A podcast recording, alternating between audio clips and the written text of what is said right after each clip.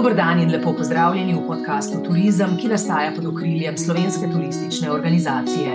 V njem obravnavamo aktualne tematike, tako slovenskega, kot tudi globalnega turizma.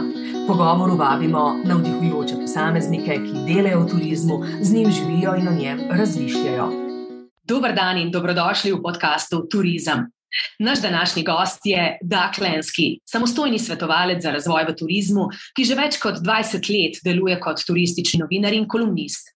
Piše za publikacije kot so The Guardian, Lonely Planet in Skift. Doug Lenski živi v Štokholmu in velja za enega od vodilnih strokovnjakov, ki spodbuja trajnost in koncept pametnega turizma. Njegov podcast, ki je na voljo tudi v obliki vloga na YouTube kanalu, pa velja za informativen, neposreden in oster komentar o industriji turizma. Daga Lenskija smo ujeli pred njegovim nastopom v postojni na dnevih slovenskega turizma. Dag Lenski, welcome to the podcast. After almost two years of the pandemic, what's for you the new normal for tourism? I mean, many things that were unacceptable before the pandemic are now completely normal. How far do you think these changes will go? Well, I'm hoping that we are going on the, we're looking at the end of this pandemic now, on the way out, and that uh, things are starting to return to normal. I've seen that happen already in several places. And I'm hoping that the rest of the world is not far behind. Um, once you've experienced a place that's that's like here in Sweden, uh, where there's no masks anywhere, they've resumed all the nightclubs, uh, and you see how fast I wasn't around when World War II ended and saw pictures of people like dancing and kissing in the streets, but it wasn't so far different from that in the evening this last weekend here in, in Stockholm. Uh, people are very happy to get back to life and normal. And I think there are some precautions that we can take uh, to speed those things up um, if in the places that haven't had that already. Uh, following years of organic growth, COVID 19 has brought about an unbelievable stop to tourism. It has given us time to reconsider our concept for developing tourism. I'm wondering have we taken full advantage of this great global pause? What have we learned from our past mistakes? Have we made the environment and local population our priorities? What's your opinion?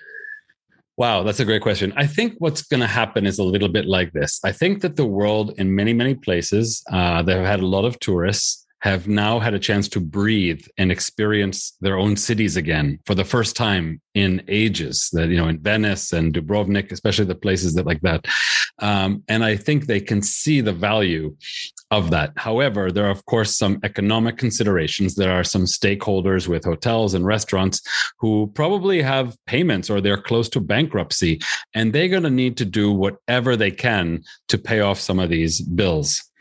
But once that's happened, once we've had this kind of rush back and they've paid off some of these bills, my hope is we can have some clever leaders who will keep this memory of how nice things were for some aspects of them during COVID, in the sense that they got their cities back to some degree, that the waters became clean and so forth.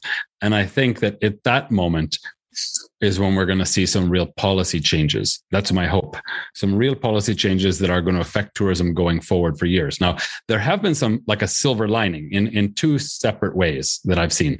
Uh, in some places, the people who've survived, for example, I was in Bermuda and there was a small uh, husband and wife jewelry store and when the cruise line stopped, they lost all of their customers, 100%. But they turned to online commerce and they got back, they said, about 40% of their business just with some Facebook and Google ads that were, you know, and they were just getting started.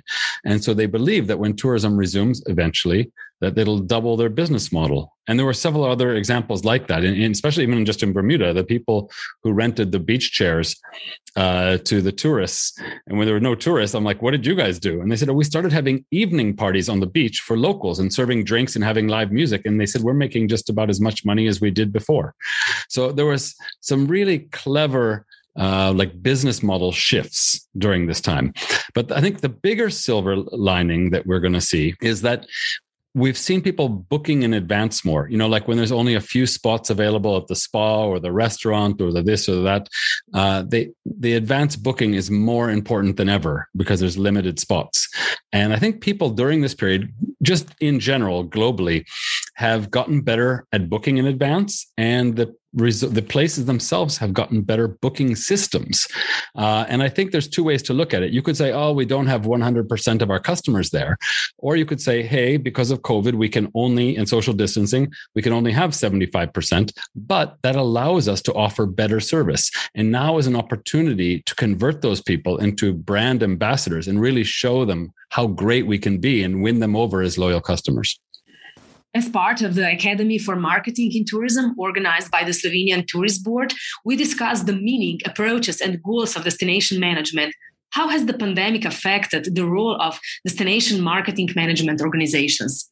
I think more than ever, they've seen that you know you can't market your way out of every problem. I don't know if you remember back at the very beginning of this all the destinations were putting up these marketing campaigns saying like you know we can't travel right now but please keep us top of mind and please be thinking of us in your dreams as you think about travel. All the destinations were doing things like that. And it, the I think what they sort of realized is we can't just market our way out of this. We need management.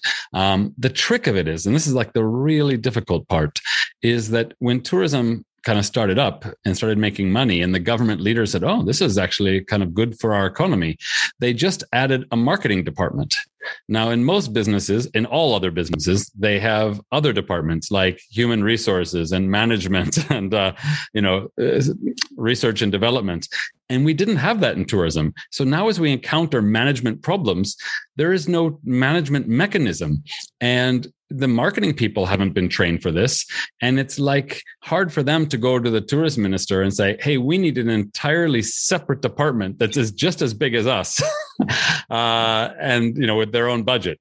It's not an easy case to make and especially because in many of those cases that that management office might be saying hey we have kind of a limited supply here and here so we can't take as many people which the marketing people are not going to really want to hear. So it's um it's tricky. It's a very complicated situation right now when those when those things haven't been set up. But like in, in Barcelona, they've actually shown the way. They have management that it's in a separate building on the other side of town. And then they have the marketing office, which is its own staff of people. So it is possible. It's just not easy. Yeah, it's possible, but not easy. Yeah. Uh, this year, you will again, after three years, address the Slovenian tourist sector with your deep insight into tourism and your wealth of experience during the days of Slovenian tourism event whose slogan this year is Now's the time, time for transformation. We are on the threshold of a new strategic period in Slovenian tourism for the period 2022 to 28, a strategy for digital transformation, disbursement of funds for recovery and resilience. What are your recommendations for drawing up tourism policies on a national level? I think we need to redefine what success means. You know, before we've always been saying at, different conferences around the world, they're sort of saying, did we have more tourists than last year? And that's always been like the key metric more hotel nights, more visitors. But that, as we've seen more and more, and we look around the world, the places that are getting too many visitors, we can't use that as a metric of success. I think a hotel would never use that as a metric. A restaurant would never. An airline, if they want to know, are we getting more people on this plane uh, than last time. They want to know: Are we just filling all the seats? And I think for an, for a destination, you want to make sure you're filling up the key things and not having any bottlenecks. You don't want people waiting or not being able to get in or not finding parking spots or toilets. So I think the first thing is to figure out what does it success mean? How do you you know know when to pat yourself on the back and celebrate and give yourself a raise? And if we're just using more visitors, that doesn't work. So I think the new metrics are going to need to involve a better quality of life for locals, sustainability, um, definitely looking at revenue instead of visitors like how much money are we making or even profitability uh, and then also of course improving always improving the visitor experience i think those are the four key things that we can do or we need to look at to redefine policy. And then the way that will manifest itself i think in many ways can be through digital transformation. I'm working on a really cool project now with a like a dutch company and uh, as a consultant where they're trying to do just that provide an entire digital platform for a destination. So your hotel key is connected to your public transport, which is connected to the lockers at the train station, which is connected to get you into VIP toilets, which is also an app that can give you booking uh, to everything. I mean, this is underway. This is happening right now. Slovenian tourism has, uh, for over a decade, been actively treading the path of sustainable tourism. Standard Slovenia Green, the basis of the green scheme of Slovenian tourism, encompasses 100 criteria and over 70 indicators from six thematic areas. With the new strategy for the sustainable growth of Slovenian tourism, we would like, as you point out yourself, to redefine success. We also wish to balance out the representation of economic, environmental, and social indicators within the framework of the national strategy. From the point of view of social sustainability, which three KPIs do you believe Slovenia should set on a national level and which three on a destination level? I think was those were the four I think I mentioned, but um, I would say either revenue or profitability is one. So like a the economic metric, and that metric, by the way, should be adapted to local economic impact. So let me just kind of jump into that a sec. Which, which by that I mean, there's leakages. So if you take, let's say, a Hilton hotel, they're paying a percentage of royalty to have the name Hilton there. Then there's probably an international management company, maybe based in London. They're getting a lot of the money and certainly all the profit.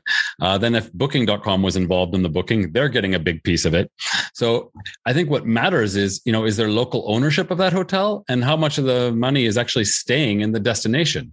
Um, if it if it's all going, if it never even arrives in the destination or directly goes overseas, it's not much of a point. That's not a great business model. So, what's the economic impact locally? That's one KPI. I think a sustainability KPI that you can create the metrics for yourself, as you mentioned, that you've come up. You just do the best you can for now, and then I would add to this a local quality of life index. I think that's important. I think if we can't, if you can't make tourism work for the locals, it doesn't work you often ask your audience, how are we going to learn from our past mistakes and put locals mm. and the environment first? So, have you found an answer yet? Yeah, I mean, I think it all hangs together, and I think it's going to become more and more apparent and more true as time goes forward. I mean, if you take a think of a destination that just gets super developed along the coastline, and then think of another destination where there's no development allowed at all. It's like a national park, and there's trees and beaches and it's kind of pure. In 50 years' time or 20 years' time, as the world becomes more and more and more developed, which of those things do you think is going to be something people are going to pay to experience? The raw nature that's so little to uh, rare to find, or a super hyper developed, you know, seaside resort? Definitely. I mean, yeah. yeah. So I think that stuff is going to become more valuable as time goes and it becomes more rare. Uh, and the question is, are we going to wake up? You know, before that happens, and, and places that aren't sustainable are, for example, pumping out sewage water into the, you know, oceans or whatever, or sea or lakes nearby. Those places aren't gonna, they can't handle that for, for forever. You know, so the quicker we convert to whatever it is, solar and wind and other re- renewable energy sources, uh, and that's also with the next generation. I mean, I really hope that the generation coming up now the ones who were born in the last 20 years, really kind of hold our feet to the fire because mm, people like me, we, the old, little bit older generation, we really were very greedy. You know, we, the, my, my parents' generation, they didn't really know how bad the things they were doing were for the environment, like flying and driving and all this kind of stuff. But we know we don't have an excuse. We're just kind of like, yeah, it's bad, but I want to go to Bali, or yeah, it's bad, but uh, I really like my new car. You know, so we don't have a good excuse. And the, this next generation, I hope, really pushes hard and only stays at hotels that are recyclable and this. I mean, I think I hope they push it to another level, a level that we need to sustain the planet and prevent global warming if it's not already too late. Definitely. Uh, during the pandemic, when tourism largely depends upon the health situation and political decisions, when we sometimes do not know for a week ahead if borders will be open and hotels hmm. functioning, marketing is extremely demanding. With what messages should we address guests in such turbulent times? And could you give us example of good and bad practices? Um, I think the best practices I've seen in terms of the COVID stuff are when private stakeholders have started using rapid testing. So, like during the middle of the pandemic, over it was like over a year ago, I think, when I went to Bermuda Um, they had testing that you needed to get before the air before you got on the plane, and they tested every single person right when they stepped off the plane at the airport. They had people wearing medical, you know, like uh, clothing and they they brought you into like a hospital tent at the airport they tested you and then you had like a secure like special kind of taxi in the back that they take you to your hotel and everybody stays away from you when you walk in the hotel. You go up to your room you have a key that only works once on your hotel door and you stay quarantined for three hours or so until they get your test results. And then when they get your test results they email them to you you forward it to the front desk of the hotel and then they invite you to come down. So they took safety precautions um, I know, like in some places, like even the NBA, to let the fans back in first in Miami, they used COVID sniffing dogs. And these have been proven to work in like at least 10 different countries with 94 to 100% success rate. And they detect COVID days before a PCR test can. So they're even better. So there's, and they're not expensive. It's very cheap. It's the most cheap testing we have right now, and it's the most effective. And for some reason, maybe because no one's making a lot of money by training dogs, um, it hasn't been rolled out very quickly. But anybody could do it you know you can train these dogs. We have the dogs have been long time sniffing for cancer and diabetes and parkinson's disease and they're proven successful at those things. So like put those things in place early. Say our destination has covid sniffing dogs at the airport at the hotels you know at this and that. We have you know you're using kind of fact based effective and cheap technology if we're going to call it dog technology to to actually show people that it is safer not just tell them it's safer. And, and we're going to have to use some marketing to overcome the perception of danger. You know, people will see something about a shark attack and they'll freak out and envision you getting a shark biting their arm or something. But statistically, it's like a thousand times more dangerous that car ride to go to the beach. Uh, that doesn't mean we're very rational rational about our risks. That's just human nature. So we need to kind of show them that with marketing that you know it is actually safe uh, when the numbers show that it is. You often criticize the buzzwords and clickbait that run rampant in travel media. Why are these buzzwords and clickbait so harmful?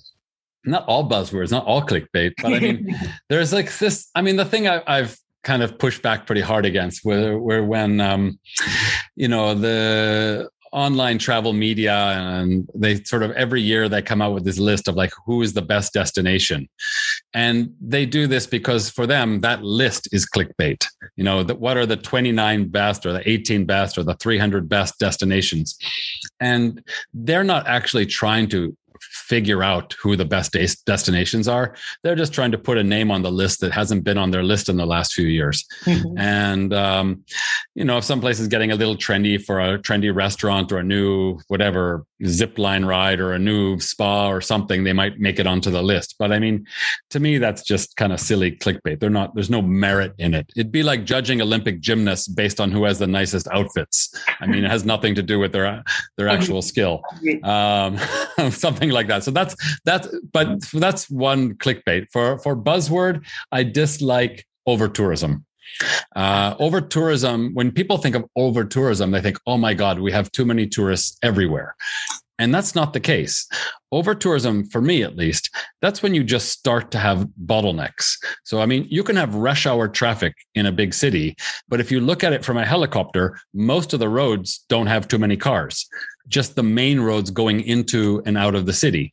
So are you can you you could look at that and you could say we don't have a traffic problem because most of the roads are empty or you could look at that and say we have a big traffic problem because the important roads are fully congested. So it depends how you paint it. And so most destinations have been looking at their destination saying, hey, the little toy museum down the street still has availability and our, our really uh, lowest ranked hotel still has some, some beds available. Therefore, we're not fully, you know, we're not full. Uh, meanwhile, people are waiting for half an hour at the most popular attraction, or or there's no space to park, or there's not enough toilets, or the, so for me, over tourism is any kind of congestion, uh, mm-hmm. not not complete congestion uh, where you have 500 million people too many. You're also against the ultra common commodification of fragile cultures that suffer uh, irreparable damage at the hands of unregulated tourism. What can be mm. done about this? That's where we need to have the management come in uh, and really get people to understand that there's value there. Um, and it ruins it for the locals and the visitors. I mean, think of like a like a Norwegian fjord that has maybe a thousand people or two thousand people living there, and then in comes three cruise ships, each with three thousand people. you know, for like three or four hours. Suddenly, it's like ten tourists per visitor for three or four hours. They're all walking around doing the same sort of nothing, buying a few things and getting back on the ship. Um, a ship, by the way, where they have all their food already prepaid for. So, what's the reason they have to do much shopping when they're there? Um, so, I mean, we just let those ships come in and we welcome them because a couple people are making money. But the, as a whole, they're making themselves less worthy. Um, it's I had the head of I don't want to name his name, but I was at a tour a cruise uh, conference uh, like three years ago where they wanted me to give them the the like the raw truth about how bad cruising was. So I was happy to deliver that message. And afterward, I had this guy. He was like one of the heads of destinations for Carnival Cruise Lines, and he came to me and he said, "You know." It's kind of like a port is a little bit like a beautiful woman and he said we we want her to pick up as the guy. We want her to kind of be with us. But if she says no, we totally respect that. he said, uh, what we don't want her to do is like make out with every single guy. Uh, and that's kind of what's happening. You know, like they kind of just welcome in all the cruise ships and they kind of ruin themselves. Um, and so that's, that was from the head of the cruise line. Um, which was I thought kind of interesting. And I think it's up to every the tourists won't regulate themselves. You know, tourists are like like six year olds playing soccer, playing football for the first time. When the, the coach can give them this great talk and tell them to, you know, what their positions look like, and then when the referee blows the whistle, all the kids just run after the ball.